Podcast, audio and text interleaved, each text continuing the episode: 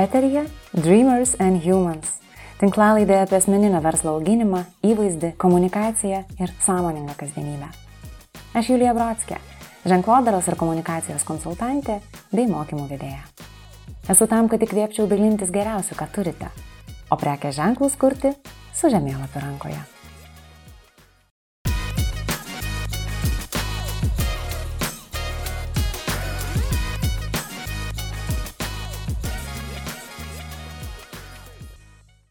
Sveiki. Nu, manau, kad mūsų visų vasara skiriasi. Vieni kolegos ją pardavė ir vietoj saulės mato Photoshopą, o kiti dirba lietai vieną koją į jūrą įmerkę. Aš esu labiau prie pastarųjų. Tačiau net ir super lietoje kasdienybėje pavyko iškepti vieną tinklalaidę. O jie šį kartą su Instagramo bičiule, komunikacijos konsultante, laisvadarbė Juste Gvazdaityte. Atsigėrus kavos su Juste Klaipėdo senamestį, žinojau, ji turi ką papasakoti ir nedvėjodama pasikviečiau šiam pokalbiui.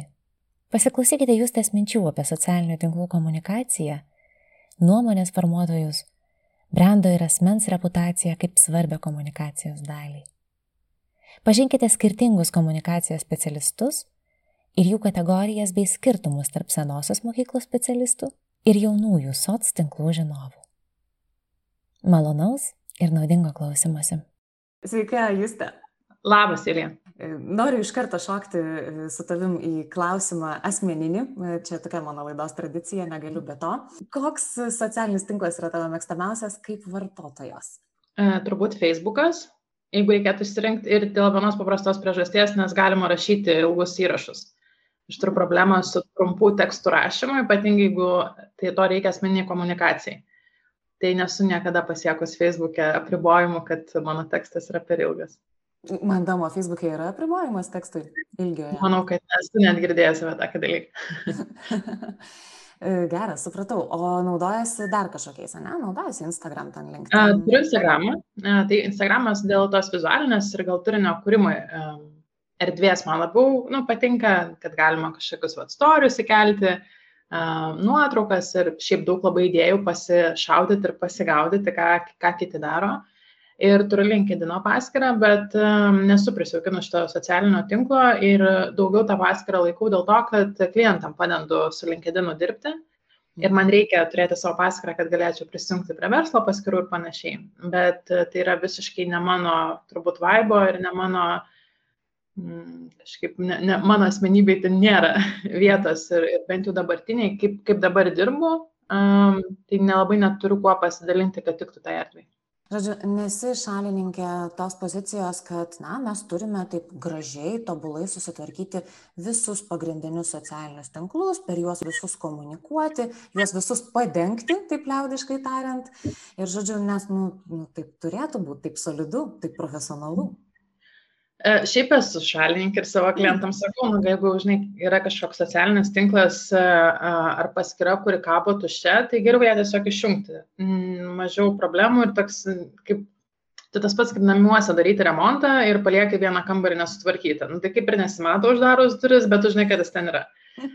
Tai, tai kažkaip tai susižiūrėti, bet aš nemanau, kad visiems socialiniam tinklam reikia skirti vienodai laiko, vienodai dėmesio ir pati, tarkim, dėl LinkedIn paskyros, tai aš kartais tiesiog padubliuoju turinį kažkokį, jeigu manau, kad ten visai tiktų.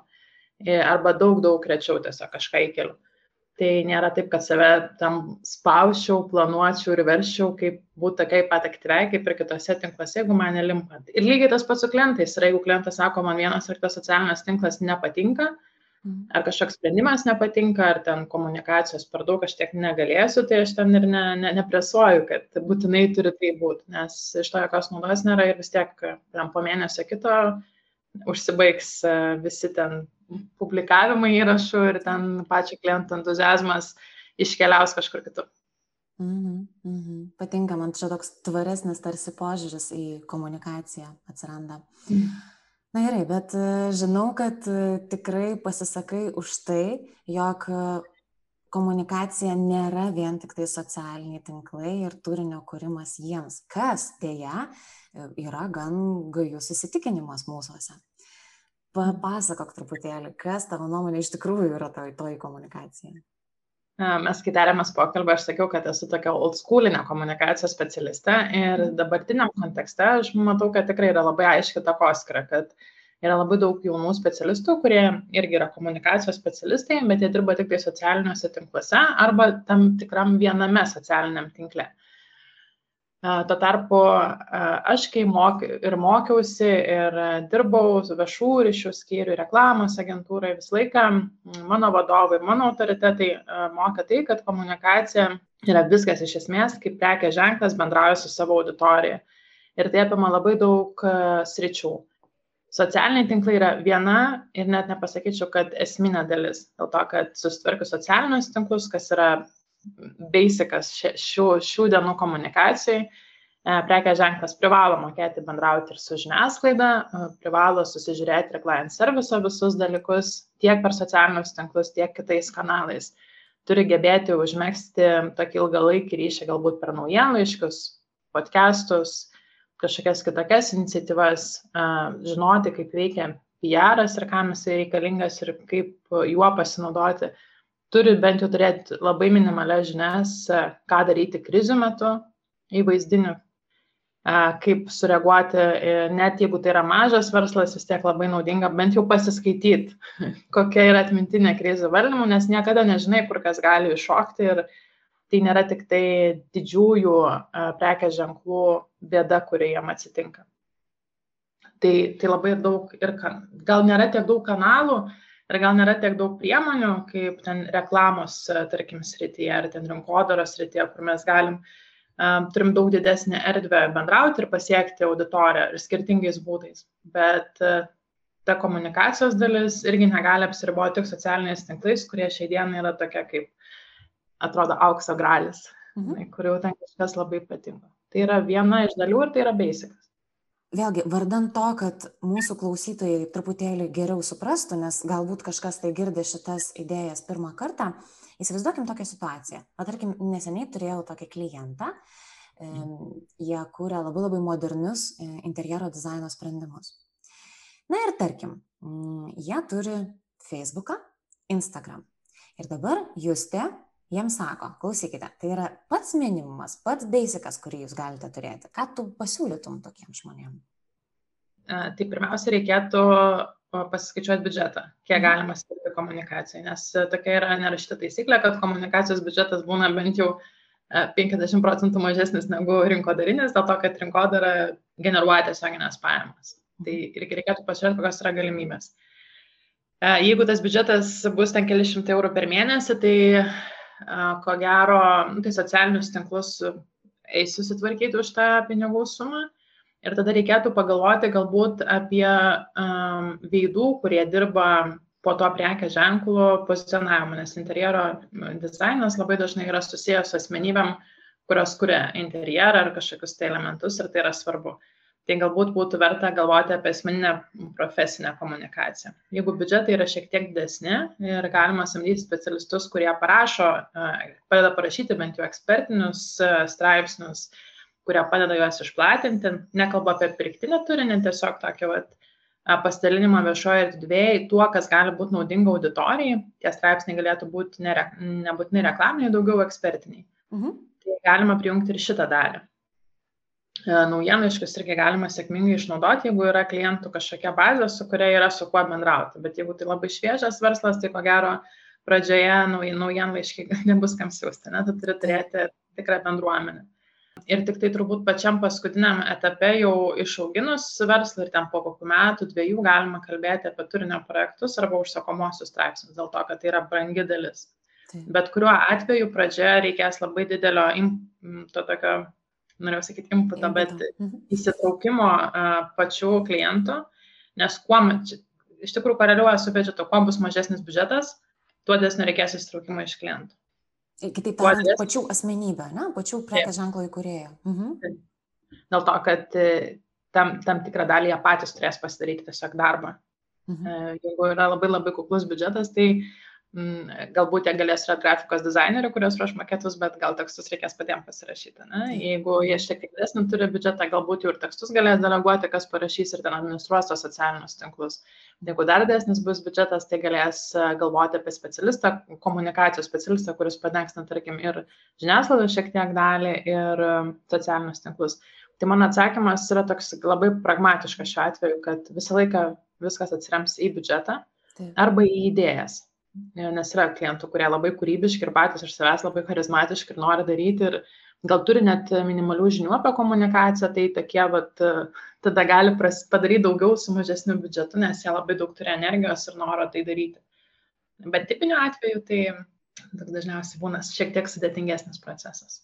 O ką tu sakai, jūs te tokiem žmonėm, kurie sako, na, šiam momentui pas mus situacija yra tokia, mes galime vesti e, komunikaciją socialiniuose tinkluose, turime administratorę arba na, kažkokį kitą žmogų turinti kažkokias pagrindinės savo pareigas ir dalį savo laiko e, šitas žmogus ar administratorė tiesiog e, rašys įrašus, kurs turinį. Na, kaip, kaip, kaip tu galvoji, Juste, ar pavyks mums? Dažniausiai tokiais klientais aš nedirbu pati asmeniškai. Mhm galiu nebent pasiūlyti konsultacijas dėl to, kad tai yra labai trumpas sprendimas. Mhm.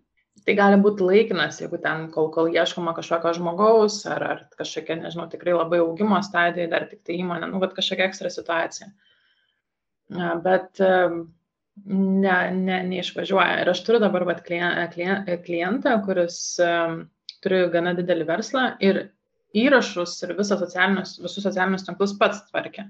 Aha. Ir jam prireikė, žinau, ten kelių metų, kol suprato, kad ne tą dirba, ne, ne, ne toks jo darbas yra ir socialiniai tinklai, nu, čia nebesus, nu, jis tiesiog nebeturi tam laiko.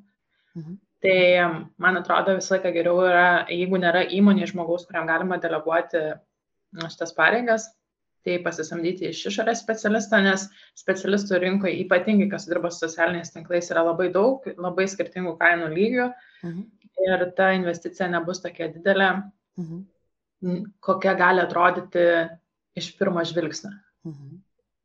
O užmesti va, tas pareigas miksuoti, tai nebent tas žmogus turi kažkokią viziją irgi, kad jis norėtų ateityje užaukti komunikacijos specialistą, galbūt jis nori mokytis, tai tokiu variantu yra įmanoma, nes labai bus motivuotas žmogus ir tikėtina, kad jisai skirs papildomą laiko atlikti tom užduotim. Bet jeigu mhm. kalbam apie darbo valandas ir va, kažkokias pareigas, kur uh, kur tu turi pakankamai aktyviai dirbti ir įsitraukti į kasdienius reikalus ir darbus, tai ta komunikacija labai greitai numirs.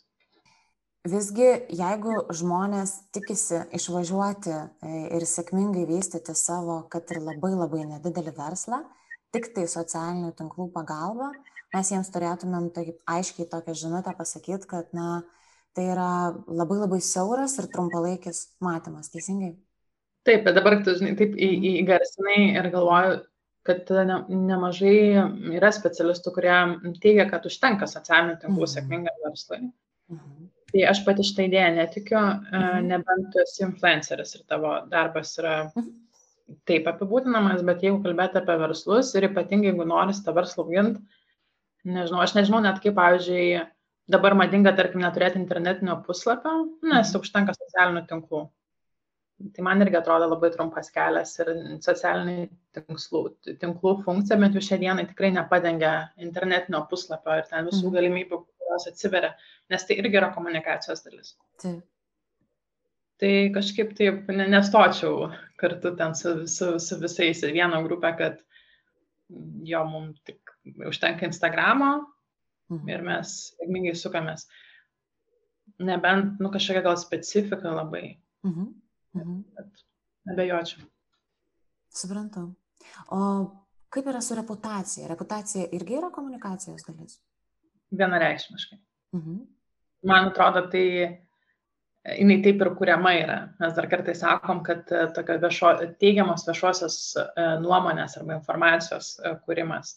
Tas toksai, kur labai yra platus dalykas nes reputacija yra sunkiausiai sukūriamas turbūt e, variant, sunkiausiai sukūriamas dalykas komunikacijos pagalba ir lengviausiai sugraunamas.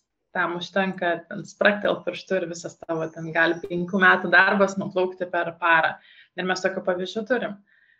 Kai ten susisitybė, tarkim, atvejais, kurie labai turėjo gerą reputaciją, labai faina, tai užteko ten poros parų ir, ir jinai nuplaukė ir dabar iš naujo. Tas pats Grigėjo atvejais, kur labai aišku, ryšku šitie pavyzdžiai yra, kur mhm. gal nebuvo kažkokios labai geros reputacijos ar ten, bet jie tokie gal neutralesni buvo, jo. bet užteko vieno skandalo ir jie dabar labai daug įdeda pinigų, kad tą reputaciją pradėtų kurti ir reabilituoti įvairiausiais valymo įrenginiais ir taip toliau.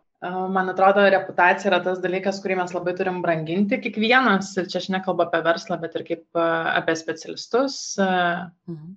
Kalbant irgi, labai didelė yra prabanga nesirūpinti savo reputaciją ir aš neturiu minti, kad dabar reikia paniškai bijoti apie tai, ką pasakys kiti, nes aš tikiu, ir tavo atveju, ir mano atveju tikrai yra klientų, kurie liko nepatenkinti darbu, su kuriais ten kažkoks įvyko konfliktas, e, kur neišėjo labai ten susitarti ir liko vat, neiškastas karo kirvis, bet kurie tikrai nesakytų, o jūs tai yra pati geriausia specialistė, su kuria dirbau.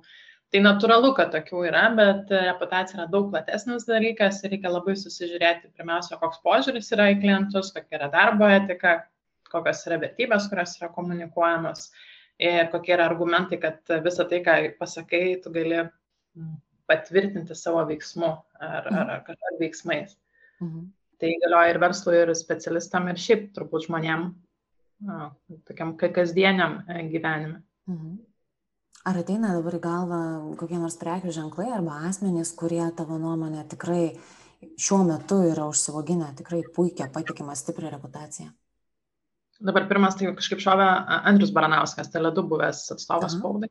Mhm. Jisai agentūrą įkūrė ir man atrodo, reputacija yra labai, bent jau kiek aš žinau, labai tokia uh, stipri. Skirmantas Malinauskas tas pats, jisai labai mm. turi aiškiai žinutę, kurią nuolat transliuoja ir uh, nors jis tokiam visą laiką šar, šar šalia yra, bet, bet kuriuo atveju tu nu, žinai jo vertybės ir kažkaip mm. stengiasi jas argumentuoti. Beta Nikolson turbūt. Bet daugiau apie įvaizdį, gal ne apie reputaciją kalbant, kad jinai labai turi aiškį, nu, tokią aišku identitetą, su kuria siejasi. Mhm. Mm. Dovilė Filmanavičiūtė, jinai turi mm. gerą reputaciją. Ir aišku, labai įvaizdį ir identitetą. Nu, aš, ne, nėra kažkokių buvę ten skandalų ar, ar kad keltų, gali patikti asmenybę ar nepatikti, bet iš, iš reputacinės pusės, man atrodo, viskas yra labai sėkmingai mm -hmm. suvaldyta ir, ir, ir. Na gerai, žadėjom dar paliesti komunikacijos strategijos temą. Na, esi gal net ne viename savo įraše teigusi, kad strategija tai nėra komunikacijos planas. Vėlgi kažkodėl taip galvojame dažnai. Man atrodo, labai yra daug tokio suplakimo į vieną vietą, nes noriu vėl sakyti, kad tai old schoolinis čia gal požiūris yra, nes dabar viskas labai paprastėja ir komunikacijos specialistai labai dažnai dirba ir be strategijų, ir be planų, tiesiog Exceliukė susidėlioja įrašus ir juda, ir tai irgi variantas, nenoriu kažkaip kritikuoti, tai yra irgi kelias, bet jeigu įman tokį gal klasikinį arba laiko patikrintą variantą, tai pirmiausia turėtų verslas turėti rinkodaros strategiją. Tai reiškia, ką mes parduodam, ką mes parduodam, kokiais kanalais parduodam ir būdais koks ten yra mūsų tonas, vertybės ir panašus dalykai. Labai retas verslas turi tai. E, Tikėtina. Nu, labai, aš labai labai retai kada susiduriu, kad klientas sakytų, aš turiu va, rinkodaros strategiją ir man reikia tam kažkaip viską dabar perkelti į komunikaciją. Nes komunikacija, ką padeda, tai užmėgsti santykius su auditorija ir iškomunikuoti žinutės, svarbiausias. Komunikacija neparduoda.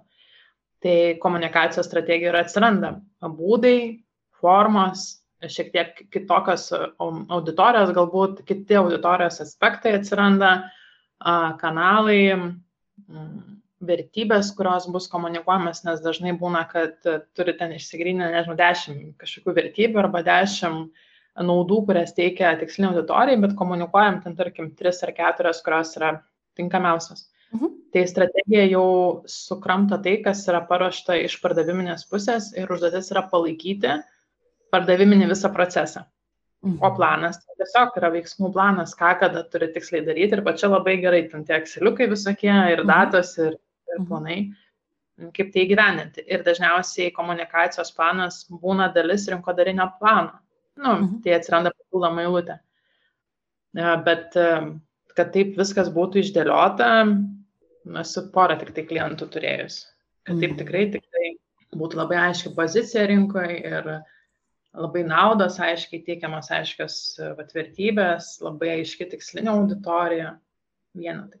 Ir pati, kai aš kuriu komunikacijos strategijas, mhm. tai aš traukiu rinkodarinę dalį ir klientai mhm. to ne, čia, nesupranta, ah. bet tam tikra dalis iš komunikacijos strategijų jos ten šiaip idealiu atveju neturėtų būti, nes jau tai turėtų būti apsprendę patys klientai ir tai jau turėtų būti nugulę mhm. jų didžioji strategija. Mhm. Mhm. Dažnai man susidaro įspūdis, kad, na, tarkim, per pastarį dešimtmetį, kuomet e, tikrai įsitvirtino mūsų gyvenimuose socialiniai tinklai, e, ir jeigu imtumėm ten kokius nors 2012-2015 gal netgi metus e, tą segmentą, na tai buvo kažkaip tai toks susiformavęs įspūdis, kad, nu tai ką, tai pasidarykim, pasikurkim gerą Facebook'o puslapį, E, susirinkime auditoriją, pakomunikuokime vienoje kitoje grupėje, nu ir normaliai eisis tie mūsų pardavimai. Ir, ir kažkoks toks, vat, man atrodo, iki šiol tam tikrose segmentuose tęsiasi tas šleifas, kad na to ir turėtų užtekti. Ir gal kažkur ir užtenka, jeigu, nežinau, gaminčiau lankelius plaukam mhm. ir tai būtų mano papildomas darbas, mm. mano malonumas. Aš manau, kad e, komunikacijos, tokios kaip apibūdinai, gal ir, ir, žinai, sėkmingai užtektų. Bet turint galvoje, kokia yra konkurencija ir kokia yra didžiulė pasiūla, ir mes konkuruojam ne tik su Lietuvos, tarkim, kuriejais lankelių gamintojais, mhm. bet ir su AliExpress, mhm. kur galite labai pigiai atvežti visokių lankelių, kokių tu nori. Tai tas mūsų ir išskiria turbūt storytellingas, ne, kažkoks vat, reputacija, vizualinis identitetas, unikali komunikacija, kūrybiški kažkokie sprendimai ir taip toliau. Tai nereiškia, kad reikia orientuotis į Coca-Cola, kurių ten biudžetai bus milijoniniai, mhm. ne, bet tu ir savo jėgom gali padaryti arba tinkamai susidėliojus prioritetus, tu gali turėti gerus rezultatus. Dar aš nevat norėjau atkreipdėmėsi, kad labai dažnai žmonės rinkodarą ir komunikaciją naudoja kaip sinonimus. Taip. Kad tai yra praktiškai tas pats. Ir tada būna lūkestis, kad vat, paustukai parduos. Tai parduos tie paustukai, kurie yra rinkodariniai, ne pardaviminiai, kuriuose bus kaina, nuolaida, e, kažkurie nuves į puslapį, ją shop, nu, kaž, kažkoks vat, mhm. bus call to action, kad žmogus turėtų pirkti. Papildomai reklama turėtų atsirasti prie tokių įrašų ir tada vat, jie generuos pardavimus. Bet jeigu mes kalbam apie įvaizdinius įrašus, apie nuotaikos įrašus, jeigu mes kalbam apie um, tą vat storytellingą, tai, jisai, tai, tai tie įrašai tiesiogiai neparduoda. Ne, tai jie kuria emociją, e, jie vat ir formuoja tą išskirtinumą iš konkurentų, e, jie ir paperka širdis auditorijas ir taip toliau. Mhm. Tai negalima lyginti kaip, kaip sinonimų. Ir būna ir man dažnai klientai rašo, va, čia mums reikia paustukų, čia parduosim, mhm. tai neparduosit, mhm. nes taip veikia sistema.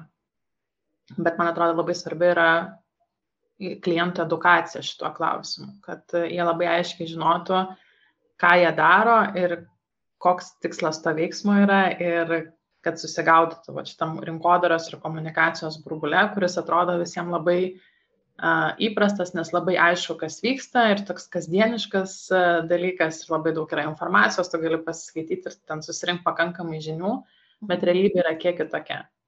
Ir komunikacija ir ta pati rinkodara nėra praktika taip paprasta, kaip atrodo paskaičius kažkokį tai blogą ar paklausius ten galbūt vieną kitą seminarą. Mhm. Vėlgi, dažnai, tik, čia iš, iš savo praeitų klientų atsimenu, kad būdavo toks noras, kad tai visus tuos paustus ir darykim tokius rinkodarinius. Nes jeigu mes, kaip sakai, e, kursim kažkokius tai vėjus ir kalbėsim apie nieką, tai tai niekaip nenuves žmonių į e-shopą ir nepapildys mūsų banko sąskaitų. Nu, va. Taip, ir, ir čia reikia susižiūrėti, kiek kokio turinio turėtų būti. Jeigu gerai sukalta strategija ir fainas prekės ženklas ir fainas produktas, tai aš nesu prieš, kad, tarkim, 60 procentų turinio būtų rinkodariniai, likę 40, uh -huh. tarkim, visi va tie minkštosios informacijos nes dažniausiai vis tiek pelnai simpatiją auditorijos, nes produktas fainas ar paslauga faina, asmenybė faina, nu kažkaip tada ir norisi pirkti ir mes turim ten labai puikių pavyzdžių, turbūt Simona Lipne dabar labai, nu, va tai gerai atliepia, kurios turinys yra labai labai uh, rinkodarinis ir, ir parduodantis, bet jinai turi auditoriją, kurią jie mėgsta ir jinai sėkmingai tai gali konvertuoti ir viskas su tuo yra gerai. Mhm. Tai nereikia bijoti tų, tų reklaminių kažkokių įrašų, tiesiog reikia visą laiką susižiūrėti, kad būtų harmonija. Mm. Kažkaip, mm. kad nebūtų viena pusė su, su, su, su, sukritę. Papasakok dar truputėlį apie pačius komunikacijos specialistus ir jų galbūt rūšis dabar esančias Lietuvoje. Vėlgi, norisi taip truputėlį paedukuoti auditoriją, kuo jie skiriasi ir galbūt kažkas tai šiuo metu kaip tik ieško tokio žmogaus ir žinosi, ką atkreipdėmėsi. Tai čia toks labai bus subjektivus mhm. paskirstimas iš to, ką aš matau, tai mhm. turbūt galima į keturias grupės suskirstyti. Tai yra pirmas specialistai, kurie specializuojasi tik socialiniuose tinkluose, dažniausiai viename iš kanalų. Į jų grupės patenka ir mėgėjai visiškai žali ir yra tikrai labai profesionalių specialistų, kurie, pavyzdžiui, tik LinkedIn, su LinkedIn dirba ir tikrai turi begalę žinių. Tai, bet tai yra labai siaura specializacija ir reikėtų žiūrėti tada pagal poreikį. Reikia tiesiog, kad pakurtų po postukų, ar tai būtų ir kažkoks vat, labiau strateginis partneris. A, tada yra komunikacijos specialistai, o kaip aš sakau, skoliniai, ne, tai, kurie plačiau a, apima platesnės rytis ir turi patirties dirbant tiek su žiniasklaida, tiek su socialiniais tinklais, a, tiek su kažkokiais kitais kanalais, a, geba rašyti tekstus, tokie gal multi žmonės, a, bet jie dažnai labai ir būna, kad dirba daugiau kaip projektų vadovai ir turi komandas, kurie padeda įgyveninti tam tikrus techninius darbus. Tai čia toks dar vienas yra, e, dar viena grupė, tada yra e, vilkai mhm. E, komunikacijos, tai tokie, kur labai daug metų dirbantis, ten 20 metų, pavyzdžiui, komunikacijai, kurie galbūt nėra labai įžymus specialistai, mes jų net pažintume viešoje erdvėje, bet jie tokia turi labai tvirtą ranką ir irgi dažniausiai specializuojasi pagal klientų kryptis, tarkim, dirba su finansų sektorium, teisės sektorium, ten, nežinau, pramogų sektorium ir taip toliau. Ir turbūt ta ketvirta grupė yra jau aukso lyga. Tai tie specialistai, kurie ir labai daug metų dirba, labai įvairius etapus praėję ir kurių, kuriuos mes galime atpažinti viešoje erdvėje. Tai dažniausiai būna agentūrų vadovai šiai dienai, mhm. tai būna labai žymus konsultantai ir taip toliau, kurie jau tik tai gali tapti strateginiais kažkokiais partneriais. Mhm. Man atrodo, aš tai taip matyčiau pačią rinką ir gal didžiausia konkurencija ir yra socialinių tinklų tam pirmam segmente, į kurį gali labai lengvai patekti visi, žmo, nu, visi žmonės, mhm. tam nereikia jokių specialių žinių. Jau kad būtum toks labiau multi komunikacijos specialistas, reikia vis tiek pradirbti ar ten žiniasklaidoje padirbti, agentūrai padirbti, su kliento pusėje padirbti, jau reikia pasirankyti žinių, todėl tai užima daugiau laiko. O jau visi kiti, tai čia toks kaip karjer, karjeros šuo, žinai, laiptai kažkokie tai. Uh -huh. Uh -huh. Tai va, O kaip tu matai šitą pačią rinką? Mm, šiaip sakyčiau, galbūt būčiau tą trečią ir ketvirtą kategoriją tikriausiai suplakusi vieną, na, mhm. jeigu, jeigu savo, matėme, bet faina, kad tu truputėlį padetalizavai ir išskyriai. Bet jo, sutinku absoliučiai, kad yra ta pirma ir antra kategorija. Ir, tarkim, pati save vertindama labai aiškiai matau, kad uh, E, idealiu atveju būčiau labai norėjusi atsirasti bent jau antroji kategorijoje. Ir kol kas tikrai joje niekaip nesijaučiu, bet spėju, kad tu jūs tai tikrai jai save priskiri. Mhm. Jo, aš tai tikrai jaučiuosi mhm. šitoje kategorijoje, mhm. bet tai niekada nebuvo, nu, tikslas, tiesiog. Aha. Jei dirbi, dirbi ir va taip gaunasi. Aha. Man tiesiog įdomu yra, gal yra kažkokių dar segmentų, kuriuo aš nepastebiu, nes natūralu, kad vis tiek atsiranda tam tikras socialinis burbulas, kuriam, kuriam gyveni ir kaip mhm. profesionalas, ir kaip asmenybė. Tai, tai man dėl tavo nuomonė buvo įdomi, kad tiek pas, pasitikrinti, žinai, ar dar galim išskirstyti kažką. Dar galėtumėm tikrai išskirti e, tą jau šiek tiek apkalbėtą kategoriją, kur tie tikriausiai vargšai žmonės, kurie yra pasamdyti bendrauti su klientais, būti kažkokie front desk žmonės, administratoriai ir panašiai. Ir jiems tada sako, klausyk, nu, tu rašai be klaidų, kablelius sudedi kur reikia, tai tu čia mums dar tą, vat, žodžiu, Facebook'o postukų padėliok. Nu, tai nežinau, kas čia per kategorija, bet yra tokių žmonių. Jo, jie irgi per laiką užauga į specialistus ir labai yra sėkmingų istorijų. Tai kažkaip -hmm. aš labai juose daug matau vilties ir pati, kai dariau mokymus, mano uh, Tai tokia ir buvo vizija padėti žmonėm, kurie vat, turi ten dirbti su social ar su komunikacija ir mhm. kurie nėra specialistai ir kažkaip jam truputėlį įduoti argumentų ir įrankių, kad jie galėtų, tarkim, apsiginti prieš vadovo kažkokius keistus pagėdavimus, kurie nu, visiškai neneš naudos įmoniai ir tai nu, nelabai ne veiksminga komunikacija, kad jie šiek tiek suprastų, kaip, e, kaip veikia pats laukas komunikacijos, nes tai irgi labai svarbu, dėl to, kad jie dažnai daro tiesiog ką daryti ir jeigu tu pakankamai ilgai laiko taip padarai, vis tiek atsiranda vidinis pojūtis, kad kažkas yra ne taip, arba kažką galim padaryti geriau ir, ir tada, jeigu neturi žinių, labai sunku perėti kitą šiek tiek lygį arba mhm. pakeisti ne, tą tokią rutiną nusistovėjusią. Mhm. Dar pagalvojau, kad galima išskirti tokią kategoriją, nežinau, fake gūrų ar, ar kažkaip taip, kurie... Um, bet čia aš net nebepriskiriu prie specialistų jokią form, nu, formą, bet tai yra žmonės, kurie uh, arba nelabai ką būna padarę komunikacijos šiuo atveju srityje, bet tiesiog geba daug ir gerai kalbėti tikinamai mhm. ir, ir, ir yra pakankamai charizmatiški ir vat, jie būna specialistais ir mes tokių pavyzdžių turim. Mhm. Aš nemanau, kad jie yra kenksmingi ar kad jų pateikiama informacija kažkaip gali pakengti ten komunikaciją ar žmonės, kurie vadovaujasi jų ten pateiktais sąrašais, kaip ką reikia daryti, nukentėjęs nuo to. Mhm nemanau, kad jie yra apgavikai ir sukčiai, Taip. bet toks mokėjimas e, pinigų turbūt už patingėjimą paskaityti penkis populiariausius mhm. blogus, ten, įvedus į Google paiešką kažkokią tai raktažą. Tai aišku, pasirinkimas, kas kur veda pinigus, bet man atrodo irgi tokia labai svarbi dalis pasižiūrėti, ar tas žmogus tikrai turi kažkokią tai praktinę patirtį, nes jinai yra svarbi. E, beklausydama tavęs, taip ir, taip ir matau, žinai, tą vaizdą, kad tai yra žmonės, referatoriai, kurie iš tikrųjų e, atsisėda ir labai labai sistemiškai surenka informaciją iš įvairiausių šaltinių, ją sudeda ir galbūt netgi pasileidžia savo mokymus arba tiesiog sistemingai e, nuolatos e, transliuoja ją savo socialiniuose tinkluose na ir tam tikra prasme vat tą tokį sukramtytą produktą duoda kitiem žmonėm. Tai žinai iš tos pusės žiūrint kad kažkas galbūt tingėtų tuose skirtinguose šaltiniuose visa tai rankiotis o čia tau yra sukramtyta ir pateikta yra valio ir faina. Bet beklausant tavęs man skamba um, mintis iš viešojo kalbėjimo kursų uh, kuriuose uh, kadaise buvo irgi man labai labai maloniai ir fainai patvirtinta kad tu gali būti super charizmatiškas e, stovėdamas ten, tarkim, ant scenos ir kalbėti apie savo dalyką, bet auditorija visada jaus, ar tu pakalbėjai viską, ką žinai, ar už to, ką tu pakalbėjai, dar yra krūvos žinių ir krū, nu, tos toks gilis, tas tikras, tikras mm. gilis, ne? kad už tų tavo žodžių slypi dar daugiau patirties, informacijos, profesionalumo ir panašiai.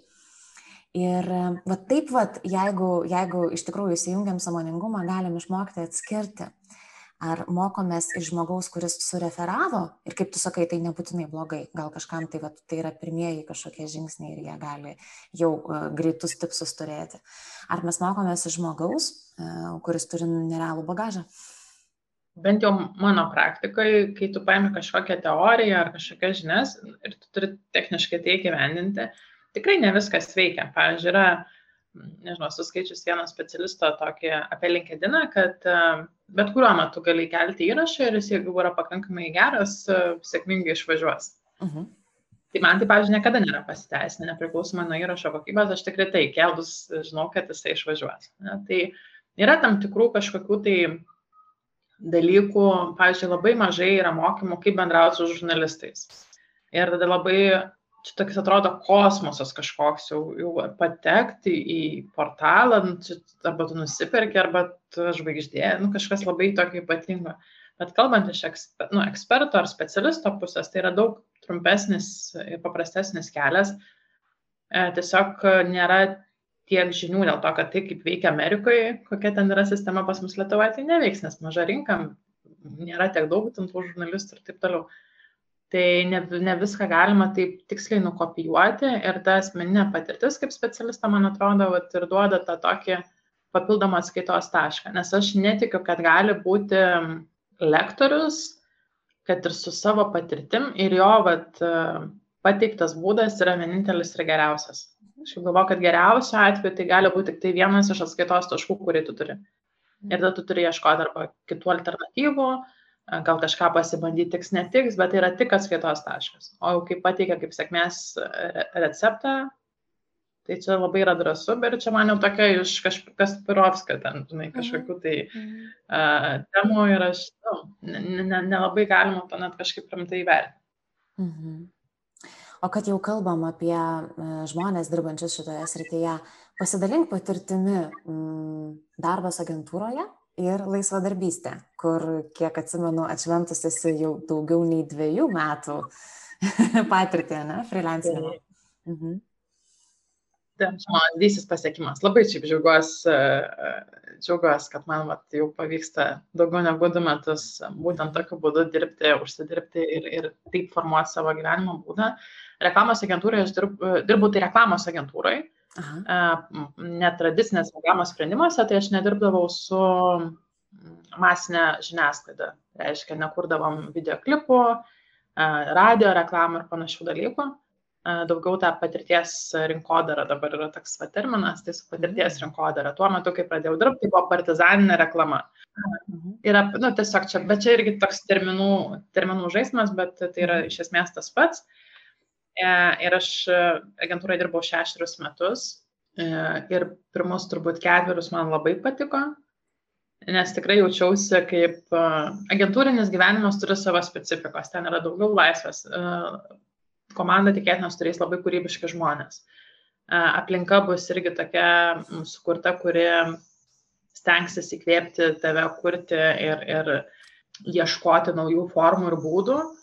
Visokių, nežinau, vakarėlių išvykų ir, ir kitų dalykų bus. Vadovai dažniausiai būna daug liberalesni, labai charizmatiški, labai įkvepiantis lyderiai. Čia irgi, jeigu pažiūrėt didžiųjų agentūrų struktūrą, tai tą patį matysit. E, tai va, tai po tų keturių metų kažkaip e, pradėjo sunkėti, nes tu negali rinktis su kokiais klientais dirbsi, tu negali rinktis projektų, tavo asmeninės vertybės yra ne, neaktualios ir kuo jis yra ryškesnės ir stipresnės, tuo bus sunkiau agentūrai dirbti. Atsiranda labai didelė rutina, net jeigu kalbam apie labai daug laisvės ir pramogų, tai vis tiek tampa rutina. Ir man gal pačiai asmeniškai tas buvo irgi toksai suvokimas, kad tu esi žaliava nu, vat, mhm. esu kūrybinė žaliava, nes aš dirbau kūrybininkė, vėliau buvau kūrybos vadovė. Tai reiškia, kad tu nuolat turi tokį savo geriausią syvą kažkokį tai asmenybės ar ten idėjų ir patirčių atiduoti reklamai ir ta reklama ten gali broilerių būti kažkokia, tai ne, arba mhm. ten, kaž, nežinau, ten kaž, kažkokio tai produkto, kur nu to šimtas metų iki. Tai labai daug yra asmeniškumų šitam versle per asmenybės ir, ir sukūriami mm, galuti, kažkoks galutinis produktas. Tai o kalbant apie laisvą darbystę, tai nebuvo mano plane, tiesiog taip susiklostė, kad aš tapau uh, freelancerę. Tai labai daug atsiranda visai kitokios laisvės. Tu gali dėlioti savo ritmą, tu gali rinktis, su kuo dirbi, uh, su kuo nedirbi, kiek uždirbi ir taip toliau. Mm, didžiausias minusas, ko gero, yra, kad tu pirmiausia turi su savim labai daug dirbti, kad sugebėtum išnaudoti tas galimybės, kurias duoda toks gyvenimo būdas ir darbo būdas. Tai, pavyzdžiui, aš ten vat, per daugiau negu dviejus metus nebuvau išvažiavusi į Balį padirbti ar ten į kažkokią Europos kitą miestą, mhm. nes man yra dar psichologiškai sudėtinga susidėlioti, kad čia tikrai manęs nebus Vilniui ir čia mano klientai neatsisakys manęs ir taip toliau. Tai tokio labai daug yra susitikimo su asmeniniam baimėm ir nuostatom. Ir turbūt tik antroji vieta yra tai, kad labai profi, iš profesinės pusės ugdo laisva darbystė, nes kai sėdėm savo šiknos, tai tada atsiemiau už visus pasakymus ten savo kolegom ar, ar vadovom, kad aš daryčiau kitaip, aš geriau žinau, uh, um, aš žinau, kaip padaryti ir taip toliau. Ir bet kiek agentūra esu prasipykus kažkokiuose konfliktuose ir beaiškinama savo tiesas, tai vad praėjus kažkiek metų galėjau labai labai sėkmingai būtose situacijose ir būti tokia va, visa šaunuolė ir kaip aš čia taip čia pasakysiu jam ir ten kažką, nu, tai sėkmės. Tai geras dalykas, labai gera mokykla. Klausyk, o iš kliento pusės, nu, va, jeigu žmogus irgi įmonė Galim tos pačius mūsų interjero dizainerius imti kaip pavyzdį. Koks jiems skirtumas, ar, ar su reklamos agentūra dirbti, ar su labai geru multi e, specialistu? Agentūra visą laiką bus brangesnė, mhm. ypatingai jeigu kalbam apie ten top kažkokias agentūras ir jos tikėtina su mažu klientu net nedirbs, nes mhm. dėl, dėl biudžetų, kokie yra skiriami, bet agentūra jo, jinai bus brangesnė man labai sunku objektyviai vertinti, nes kai dabar dirbu freelancerą, tai daugiau iš klientų tokio nepastenkinimo agentūrom išgirstu, bet tai natūralu, nes jie ateina pas freelancerą, tai tas ne, ne, visiškai neobjektyvi šitą informaciją yra, bet agentūros bus brangesnės, agentūros dažniausiai mm, teiks labiau kompleksinės paslaugas, agentūrom gali parašyti, jos padarys tam tikrus dalykus, galbūt, kurių galbūt nėra jų paslaugų ten miniuke. E, nes jie prisitaikys prie kliento, jie turės, e, vėlgi ne visos agentūros, bet tikėtina, kad in-house viduje dirbančius specialistus įvairaus profilio, um, kurie bus tokie, nu, sau, saugesnėje aplinkoje. Su freelanceriais tikėtina, kad bus pigiau. Iššūkis bus susirasti patikimą žmogų, kuris dirbtų, nedingtų, nes agentūra niekada nedings. Taip tavęs nepaliks, e, mhm. o freelanceris gali susipakuoti šmutkės, į Indiją išvaryti arba tiesiog. Mhm. Yra įvairių atvejų. Jeigu didesni projektai, tada reikia suprasti, kad freelanceris ne vienas darys, o samdysis kažkokius savo draug, draugus, kurie padės padaryti. E, tai galbūt tą kokybę, kokybės kartais momentas sudėtingiau yra už, už, užtikrinti. Ir dažniausiai, kai ateina pas freelancerį, tai ateina pas asmenybę konkrečią. Mhm nu, jūs dirbate su va, tuo žmogum, kurio, kurį pasirinksit. Ir man atrodo, renkantis klientui labai svarbu pasižiūrėti ne kaip gerai dirba, nes gerai dirbančių yra rinkoje daug. Tai nėra unikali savybė. E, vis tiek įsirinksit iš viso pulko, bet su kokia asmenybė dirbsit. Mhm. Turi patikti. Mhm. Nes tas žmogus žinos ir jūsų verslo, visokias ypatybės ir tai, kad pasirašot konfidencialumo sutartį dar ne, nu, tai yra tik tai dalis, ne? jūs vis tiek įsileisit tą specialistą į savo virtuvę tai. ir jisai turi sutarti ir su jūsų ten, kit, kitais žmonėm, galbūt darbuotojais ir jisai turi gebėti kažkaip orientuotis srityje. Tai mhm. šitoje vietoje labai gerai yra rinkti specialistą, kuris pats turi asmeninę komunikaciją ir paskaityti jo asmeninius visokius vat įrašus ir, ir Facebookus, ir Instagramą ir taip toliau. Labai greitai suprasite, ar jums pakeliu ar ne pakeliu. Tai tokie turbūt būtų skirtumai. Mhm. E, man labai patinka tas e, tavo savęs priskirimas tam old schoolui arba senajai rinkodaros mokyklai. o kaip, kaip vat, e, senosios mokyklos atstovai žiūri į laukinius vakarus dabar vykstančius socialiniuose tinkluose ir mm, nuomonės formuotojų didžiulę įtaką ir jų sprendimus? iš tų, kuriuos aš pažįstu ir su kuriais pašneku, tai niekaip nežiūri. Tai yra, ne, dažnu atveju tai nėra žaidimo aikštelė. Ir aš pati, pavyzdžiui, su influenceriais labai labai mažai dirbu. Dabar va, šiek tiek turėjau projektų. Kartais atrodo, kad, nenoriu sakyti jaunesni specialistai, bet gal tokie pradedami specialistai ir labiau, kurie dirba socialiniuose tinkluose, jie vis tiek klientui siūlys dažnu atveju ten pasisamdyti influencerį, kad kažką jisai padarytų įvaizdžio ar pardavimų prasme. E, mes dažniausiai vis tiek dėliojam daugiau įrankių turim, kuriuos galim panaudoti ir influenceriai, ne, mano atveju, tai ir kitų kolegų atveju niekada nebūna pirmas pasirinkimas. Dažniausiai arba klientas labai konkrečiai nori, mhm. arba nėra šitas temas, nes tai galima pasiekti ir kitais būdais man pačiai asmeniškai vertinant, mhm. tai aš taip esu gana atsiribojus nuo influencerių ir tik tai pasižiūriu, jeigu būna kažkoks gal rezonansinis įvykis, kuris man atrodo neteisingas, netinkamas ar, ar, ar panašiai. Mhm. Didžiąją dalį influencerio aš esu užsiblokavus savo naujienų sraute, tai aš ten tokių vietinės reikšmės intrigų net nematau. Mhm. E, dėl to, kad e, aš nemanau, kad nu, man tai yra čia naudinga apie tai žinoti. Ir dažniausiai apie influencerius sužinau, jeigu klientas pasako, mes norėtume, mums reikia tam tikro profilio ir aš ta, nu, pas, pasižiūriu reputaciją žmogaus ir, ir kas ten iš vis vyksta. Ir profesinės pusės, jau, tai tokio daugiau yra atsiribojimo ir aš kol kas esu linkus būti šitoj, vat, tokioje pozicijoje, kad ne, neįsitrauk, nes ten yra laukiniai vakarai, kaip tu sakai, ir, ir sėkmės jiem.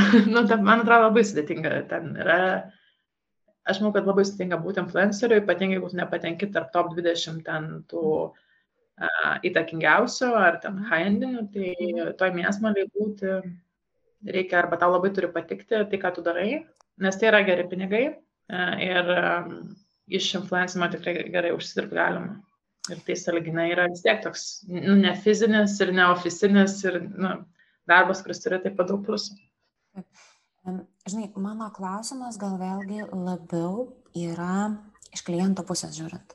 Mano pačios mhm. patirtis, ką byloja, e, ką aš esu pastebėjus, nors galbūt ne, nebuvo tiek jau daug atvejų, bet visgi tam tikra tendencija tarp jų išvelgiu tokią, kad dažnu atveju netgi kažkokia galbūt nelabai žinoma įmonė, kuri užsieima kažkokį importų e, iš užsienio, ne, žiūri į e, šitą mm, kanalą, vadinkim, e, kaip į panacėją ir labai greitą, paprastą, labai mažai energijos laiko reikalaujantį būdą. Bet va šitoje vietoje man pradeda lysti visi kiti, aišku, vertybiniai momentai ir vat mes su tavimi lietėm šiandien reputacijos temą.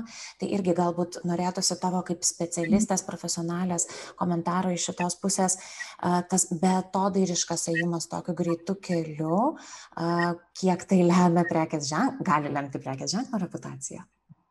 Kalbant apie greitą, to, greitą rezultatą, tai čia kaip ir su greitu maistu ir su bet kokiais greitais dalykais. Tai yra, jeigu tikslas yra per kelis mėnesius pasiekti X pinigų, parduoti verslą, daryti kitą verslą ir, nu, tokią, va, turėti mėsmelę, valio, tada, nu, koks tikslas, tokios ir priemonės, viskas yra gerai. Influencerius kartais pasirinka dėl paslaugos pigumo, nu, saliginio pigumo. -huh. um, tai reikia labai skaičiuoti, ar tikrai tai atsipirks, nes, pavyzdžiui, um, įsitraukimas į influencerio sukurtą turinį reklaminį gali būti ten iki 10-20 procentų didesnis negu įsitraukimas į reklaminį turinį, kurį pasipublikuotų e, verslo vat, subjektas kažkoks ir nupirktų reklamą. Tai reiškia, jų bet kuriuo atveju ta reklama padaryta, jinai labiau patraukia dėmesį. Uh mhm. -huh. Ir tikrai yra labai sėkmingų atvejų, kurie, e, kai yra konvertuojama į pardavimus. Bet tai aš esu girdėjęs tik tai bendradarbiaujant su tom vat, ryškiausiam žvaigždėm, uh, kurio, kur, su kuriuom bendradarbiavimas ir atsiperka. Bet ir bendradarbiavimas kainuoja tada tūkstančius. Tai nėra kelių šimtų eurų e, dalykas. Aš labai nu, skaičiuoti, reikia labai labai labai skaičiuoti, nes jeigu ar tūkstantį eurų skirti influenceriui, ar skaitmeniniai, tarkim, reklamai, ar puslapio sukūrimui, ar ten straipsniui, tai reikia žiūrėti, kokie tikslai. Mhm. Jau kalbėti tik apie komunikaciją ir įvaizdinius tikslus, aš manau, kad influenceriai nėra, influenceriai nėra tinkamas pasirinkimas dėl to, kad tos grėsmės, kurios atsiranda su jais bendradarbiaujant, man atrodo, nu, ne, nevertos yra pinigų. Jeigu kalbam apie pardaviminį aspektą, tai tada galima svarstyti kaip, kaip variantą. Bet irgi reikia žiūrėti, kad, koks žmogus, koks produktas, ar tikrai tinka, neužsikabint ant laiko, populiarumo, mažo įkainio ar mažesnio įkainio ir taip toliau. O, o, o iš įvaizdinės pusės jau geriau galbūt sakyčiau kažkaip, kai, kai ieškoti kitų būdų. Mhm. Nes išlieka labai stiprus žmogiškasis faktorius. Mes visi esame žmonės, influenceriai taip pat. Nežinai, kur kada kas e, išaus ir, ir tada reikės rašyti e, paustukus Facebook'e, kad atsiribojom nuo, vieno, ten, nuo vienos ar kitos žvaigždutės ir kad čia ne, tai nebuvo partnerystės projektas. Ne? Nu, tai kam to reikia? Ir mes turėjom tokių atvejų tikrai labai daug Lietuvoje, aš kiek atsimenu, ir su, nežinau, krepšininkai Lavrinovičiai, ir, na, kokių ten tik nėra buvę. Tada kiti influenceriai reaguoja į tam tikrus veiksmus ir sako, mes irgi tada su šito brandu nedirbsim. Nu, kažkada, jo, labai tu, prekės ženklas labai gali nukentėti. Aišku, pas mus nėra nei cancel tarp kultūros ir nėra to tokio, labai mes greit užmirštam uh, Mhm. E, visokius susimovimus, tai čia nėra, kaip žinai, stigma, kuri atsiranda, mhm. E, bet yra daug lengviau ir daug maloniau, kai įvetus ten prekės ženklo pavadinimą ar kažkokio asmens mhm. pavadinimą, tau Google išmeta pozityv, pozityvų turinį, o ne ten pirmoje vietoje kažkoks skandalas, kur ten kažkas kažkur kažką sumokėjo, nes, nu, toks pat. Klausyk, užkabinai irgi šitą momentą prisiminiau frazę ir ne, nežinau, kada ją pirmą kartą išgirdau, bet tikriausiai dar studijų laikais buvo pasakoma taip. Nėra blogo PR. Kokia tavo nuomonė jūs ten? Labai yra blogo PR, yra bloga reklama ir man atrodo, čia vat, vadovautis nėra blogo PR, tai mhm. gali Natalija Bunkė, kuri moka pavers bet kokį ten savo pliusą, ne? Tu gali panaudoti iš tikrųjų kaip asmenybė ar kaip profesionalas, tai ir ten labai liūdna situacija į savo pliusą, jeigu mhm. tai sugebi padaryti. Verslui Mhm. Nu, man čia toks yra trumparegiškas požiūris, mane net sitas. Mhm. Įmonė, nu kaip, nėra. Nebent toks, turi kažkokį va tokį verslą, kur tam visiškai šiaip nesvarbu yra, ten ant jo dirks, nedirks, tu pas, pasižiūri kažkaip skaičius. Mhm. Nu, plus minus vis tiek kažkas perka tam produktą, paslaugą, bet e, reikia reabilituotis ir ta va, reabilitacija po krizių kažkokių, tai blogo PR, blogos reklamos, nu, jinai užtrunka. Ir tai kad nebėra informacijos, kažkaip nebėra situacija skaluojama viešoje erdvėje, nereiškia, kad žmonės nebegalvoja apie ją. E, ir čia Grigėjo, pavyzdžiui, atvejis yra, kad, e, okei, okay, dabar čia jie turėjo kažkokią situaciją visą nesnai, kad vėl tam kažkokios nuotekos buvo, bet taip labai taip sklandžiai praėjo, bet tai taip, visi perka produkciją jų, niekas ten piktų pausų neberašo, bet jiem užteks, kitam kartu reikės daug mažesnės kažkokios tai situacijos, kad vėl užsisuktų ta, žinai, šūdų lavina, nu, taip mm -hmm. sakant. Bet, um, ir tu visą laiką ta, e, esi silpnesnis. E, jeigu, vadovaujas teisyklė, nėra blogos reklamos, e, yra tik reklama, nėra blogo PR, tai vat kiekvienas tokia situacija, kur buvo bloga reklama, buvo blogas PR, palieka šūtinę žaizdą tavo įvaizdyje, verslo arba asmeninę. Mhm. Ir tu esi daug silpnesnis ir tu niekada nežinai, kada konkurentai nuspręs pasinaudoti tuo. Taip.